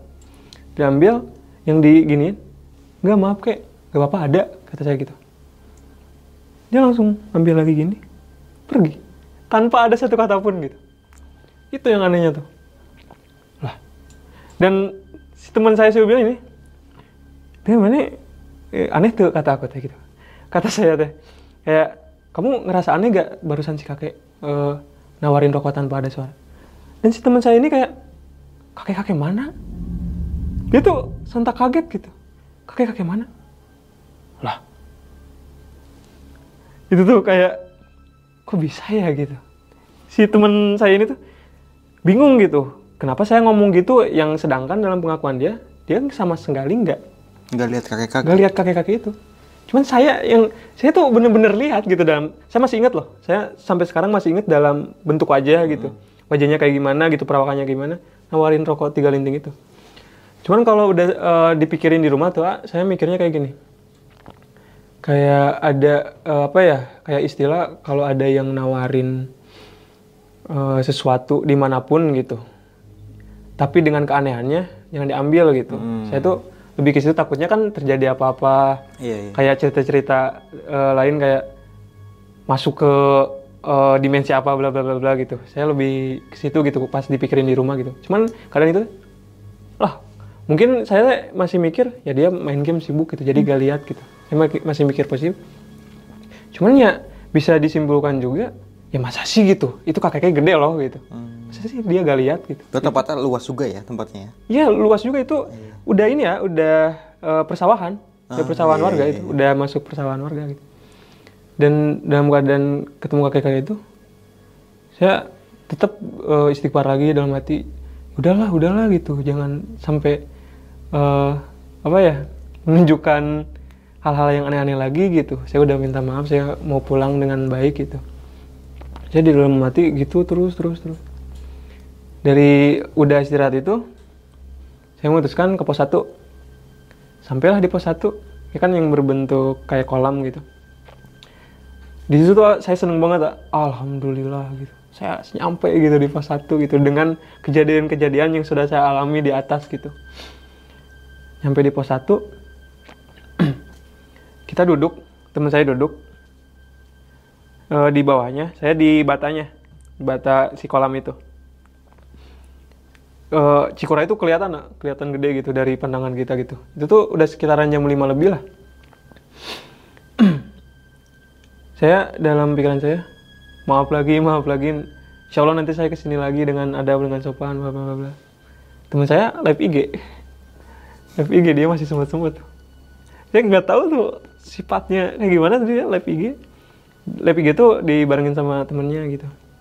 Tuh saya udah baru turun Cikura ini bla bla tanpa yang saya sadari itu dia tuh tanpa ada beban apa pun nak tanpa ada pikiran apa pun gitu yang sedangkan saya yang saya alami itu beda jauh banget sama yang dia alamin di atas gitu cuman yang anehnya di sini saya sempat nanya karena yang ngerasain tuh kita berdua di pas di pos 5 ketika ngedenger suara si nenek-nenek itu. Saya sempat nanya tuh pas di pos 1. Bill, kamu sadar gak pas eh, ada nenek-nenek teriak terus kamu jawab dengan eh, sompral gitu, dengan gak sopan gitu. Dan dia tuh pengakuan dia tuh, wah cuma ngaya-ngaya sih. Ngada-ngada kamu mah kayaknya. Kapan ya, di mana ya? Saya kan bingung lagi gitu. Yang sedangkan dia yang ngejawabnya gitu. Dia kita yang berdua yang ngerasain eh, suara si nenek itu tuh kita berdua yang ngedenger gitu. Dan dia tuh kayak "Ah, kamu ngada-ngada sih. Kapan gini gini gini. Saya di situ, astagfirullahaladzim. Udahlah, nanti aja di rumah saya jelasin secara lebih rincinya apa yang saya alami gitu ke dia. Selain di situ, nyampe lah di base camp sekitaran maghrib. Alhamdulillah tuh bener-bener alhamdulillah dan orang-orang base camp kayak nanya, aman aman, ya aman aman gitu, alhamdulillah gitu. Mau langsung pulang ke Sukabumi, ya mau. Eh, tadinya saya tuh pengen nginep satu hari satu hari lagi, soalnya capek banget gitu ya. Cuman dalam keadaan eh, si teman saya ini, si bilang ini punya acara lain katanya. Saya harus pulang. Dan si mamanya tuh sempat nelpon, katanya mending nginep aja, takutnya terjadi apa-apa di jalan karena eh, capek gitu ya. Dan dia eh, tetap gitu bersikeras gak, gak bisa besok ada acara gitu harus pulang ke Sukabumi gitu ya udahlah ayo pulang Eh, abis sisa tuh kita udah packing packing saya tuh bener-bener gak bisa ngelupain hal yang di atas Sa. Karena itu bener-bener real terjadi gitu ya. Yang saya alamin gitu ya Allah. Kirain saya udah beres tuh kendala. Beres gitu. Kendala apa pun gitu. Sampai kita eh, dari base camp pamitan bisa beres isa kita hampir ini ya hampir kecelakaan di situ. Hampir kecelakaan karena tiba-tiba pas kita lagi si Ubil ini kan yang bawa motornya dia pas lagi ngebut rantai belakang copot tak Hmm. itu benar-benar gak kontrol tuh. Kalau apa ya bisa dibilang kalau kitanya panik di bawah panik itu benar-benar real kecelakaan. Kita benar-benar gak tahu masih ada masih eh, gak tahu ada gak atau enggak gitu sampai saat ini gitu. Itu benar-benar pas kenceng-kencengnya motor pak. Di situ astagfirullahaladzim ini apa lagi? gitu. Tapi masih ini masih bisa kontrol gitu. Dia agak panik alhamdulillahnya gitu. Kalau si Ubil ini panik ini saya nggak tahu masih ada masih nggak soalnya itu benar-benar kenceng dan e, bisa kemungkinan terjadi itu mengakibatkan kecelakaan besar gitu. Jadi e, fatal gitu ya. Lah ini apa lagi gitu ya? E, sampai inilah sampai kita turun alhamdulillah alhamdulillahnya nggak terjadi apa-apa. Kita cari bengkel itu sekitaran udah jam 9 lah udah Garut Tengah udah sekitaran tengah-tengah Garutnya gitu ya udah mau keluar Garut lah bahasanya. Satu sisi si bengkel ininya tuh gak ada. Jam waktu itu tuh bener-bener gak ada. Di satu sisi juga si gear yang ininya tuh rantai gearnya tuh ada cuman beda gear gitu. Harus punya ini lagi gitu si bengkelnya. Itu kita ngin eh, apa yang memutuskan untuk nginep di bengkelnya? Yang tadinya saya tuh mungkin ya gak tahu juga karena ibunya dia juga kan menyarankan buat gak pulang gitu tapi dia bersikeras untuk pulang mungkin ada kendala di situnya juga gitu ada efek gitu. Udahlah gak apa-apa kita sampai tidur di bengkel. Tapi alhamdulillahnya jam 12 siangnya kita langsung berangkat ke Sukabumi dan langsung pulang dengan selamat alhamdulillah gitu. Nah pas pulang tanya tuh sama mama tiga rootnya deh. karena ibunya si Ubil ini laporan bahwa kan kita tetanggaan tuh Hmm. tetanggaan beda beberapa meter lah sama eh, sama rumah si Ubil nih dia tuh eh, laporan ke mama bahwasanya kita tuh nggak ke Gunung Gede Ke Gunung Gede. tapi ke Garut Ke Garut. ke Garut gitu saya senyum aja gitu Are ke mana-mana mah bebe jauh we," kata mama teh kayak kalau mau ke mana-mana bilang aja jangan ngebohong gitu Hmm. Mama tuh kayak gitu. Karena perasaan mama sendiri pas selama saya pendakian itu, apalagi yang apa ya, yang waktunya tuh lebih satu hari gitu dari estimasi yang kita lakukan gitu. Ada perasaan ini gitu. Sewaktu saya naik gunung tuh emang ada perasaan was-was gitu. Kayak ini kenapa ke- kepikiran mulu anak saya? gitu. Ini ceritain tuh ceritain nama kayak kepikiran wae cina kepikiran ke- kepikiran mulu gitu. Takutnya terjadi apa-apa bla bla bla bla. Tapi tenang naon tapi gak apa-apa katanya kata mama saya. Ya gak apa-apa alhamdulillah gitu udahlah gitu. Sampai ketemu lagi sama si Ubil ini seminggu dari itu. Saya itu bener-bener saya ceritain tuh ceritain itu ke teman tongkrongan yang di kamar lah yang yang sering di kamar gitu. Oh, bisa gitu ya bisa gitu bla bla bla bla. Ketemu lagi sama si Ubil ini satu minggu selanjutnya ke depan gitu. Ketemulah ceritain semuanya. Dan dia karena mungkin mungkin balik lagi ke si- sikap gitu. Ya mungkin dia orangnya ah Cuek kak gitu ya. cuek kayak gitu bla bla bla jadi nggak nggak terlalu mementingkan apa yang saya alamin di Cikuray mungkin segitu bang ceritanya Oke nih, pendakian Cikuray di tahun 2020 ya. ya Berawal dari satu orang doang nih. dari satu orang. Impactnya ke lu juga dan ke- mungkin ya kita nggak tahu ya mungkin kena ke pendaki yang ada di sekitar mungkin. mungkin Iya, karena kan emang nggak sempat bercerita atau gimana Iya, kan pada iya, saat bener. itu. Nah, yang aneh lagi nih, di saat turun ya, di saat turun nih, kok lu bisa ngeliat temen lu ini ada dua gitu loh? dua versi gitu Iya, iya. itu yang Dan nggak bisa menurut pengakuan Udil ya tadi ya, ubil ubil Ubil, Ubil itu kan, lu pandangan lu Ubil jalan duluan, Iya. buka mantel jalan duluan. Iya. Tapi pandangan Ubil, lu buka mantel jalan duluan. iya jadi saling ninggalin gitu Iya, iya, iya, iya. kalau dari dari pengakuan dia gitu Ah, Cuman itu tuh saya sendiri gitu, saya sendiri gak bener-bener gak ini bang, gak apa ya, gak sadar atas hal itu gitu. Cuman yang saya sadar tuh kayak ini bener-bener terjadi real gitu, yang saya lihat, yang saya rasain, yang saya alamin gitu. Sampai saya cerita lagi ke dianya gitu. Dia sempat ngerespon ya, emang yang saling ninggalin itu dia, sempat ngerespon sama yang ke eh, yang suara nenek-nenek itu yang di pos 5 gitu. Dia sempat ngerespon soal itu gitu yang mungkin mungkin terjadi gitu. Nah saya sempat ngomong ngomong lagi sama dia, pokoknya buat ke depannya jangan sampai lah gitu bawa-bawa kayak gitu gitu ngefek tuh ngefek banget gitu. Iya, dan izin orang tua, Nah, itu, orang tua bener, juga sih itu emang menurut bener. gua. Ya kan, bener-bener. karena eh, feeling orang tua itu tepat loh, gak pernah salah. Iya, Pasti bener apa yang dirasain sama orang tua, apa juga yang dirasain sama anaknya.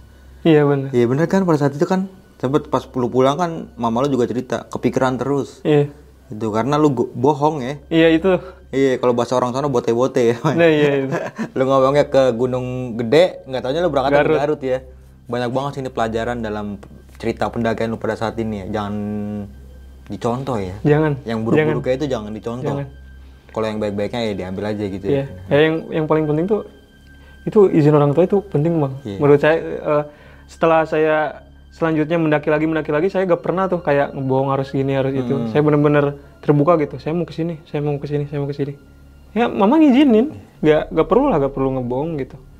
Ya ini pelajaran ya, gak mungkin gitu ya. nah ini kan pendakian pertama lu ya Pertama setelah itu lu masih sering aktif naik gunung Nah dari situ gitu. aktif seri- eh, lebih aktif gitu. Cuman kalau sekarang nggak eh, eh, apa ya bisa dibilang kalau lebih sekarang nggak terlalu gitu. Cuman pas dari setelah Cikura itu saya lebih demen tuh kayak apa ya candu gitu. Oh, Canduan tuh iya, naik iya, gunung. iya. Berarti nggak nggak ini ya, nggak kapok ya? Kayak gimana ya? Saya tuh penakut tapi penasaran bang. Iya iya iya. Orangnya kayak tapi eh, untuk pendakian gunung tertentu kayak saya lebih ke pengen tapakur alam aja gitu tadinya Hmm. gitu. Jadi kalau ada waktu senggang buat ini gitu. Jalan gitu. jalan gitu naik gunung gitu Oke nih, Jal. Tadi lu sempet bilang lu punya channel YouTube juga, Jal. ya Apa sih Jal nama channel YouTube Jal? channel YouTube eh, namanya sekilas gurau Sekilas Gurau. Iya. Nah itu membahas tentang apa tuh Jal? itu tuh membahas tentang horor kayak apa ya penelusuran tempat-tempat yang mitos-mitos. Inilah mitos-mitos yang beredar di kampung-kampung gitu. Oke, itu dieksplor tuh gitu. explore. Jadi ada segmen explore ada segmen penelusuran dan eh, ada segmen ini. Pas malamnya kita datang lagi ke tempat itu dan kita melakukan tiga segmen yaitu cerita horor di tempat horor Mm-mm. uji nyali sama mediasi juga ada. Oh iya. iya. kayak dimasukin gitu Tapi butuh narasumber nggak atau tempat-tempat? Butuh. Butuh ya. Butuh nah, banget. buat orang-orang Sukabumi ya, lebih tepat di daerah mana Iya, tuh? daerah Sukaraja lah Sukaraja ya. Sukaraja. Kalau emang pengen jadi narsum nama Bang Ijal ya. Iya. Atau mau dirasukin apa gimana gitu ya kan? Iya. Langsung aja nih kunjungi nih di YouTube-nya sekilas gurau Sekilas Gurau atau mau ke Instagram lu Jal? Apa nama Instagram? Instagram ada Rizal28 underscore Oke bisa langsung DM ke situ aja nanti Iya. ya. Oke nih thank you banget nih Jal. Sebelum kita mengakhiri video kali ini punya pesan-pesan nih Jal buat teman-teman semua Jal. Bu- khususnya untuk pendaki ya. Mm-mm. Mungkin pesan-pesannya lebih ke khusus terhadap pendaki Indonesia atau di mana pun gitu. Izin orang tua itu penting banget itu. Kedua, ada sopan santun di gunung tuh harus benar-benar dijaga. Soalnya kita gak tahu makhluk-makhluk seperti apa yang apa ya bakal eh, men- menunjukkan efek samping dari apa yang kita perbuat di gunung tersebut gitu. Oke, mungkin itu aja nih dari gua Bang Mange dan juga Bang Ijal ya. Iya. Gua pamit undur diri, sampai jumpa di video selanjutnya. Wassalamualaikum warahmatullahi wabarakatuh. Waalaikumsalam warahmatullahi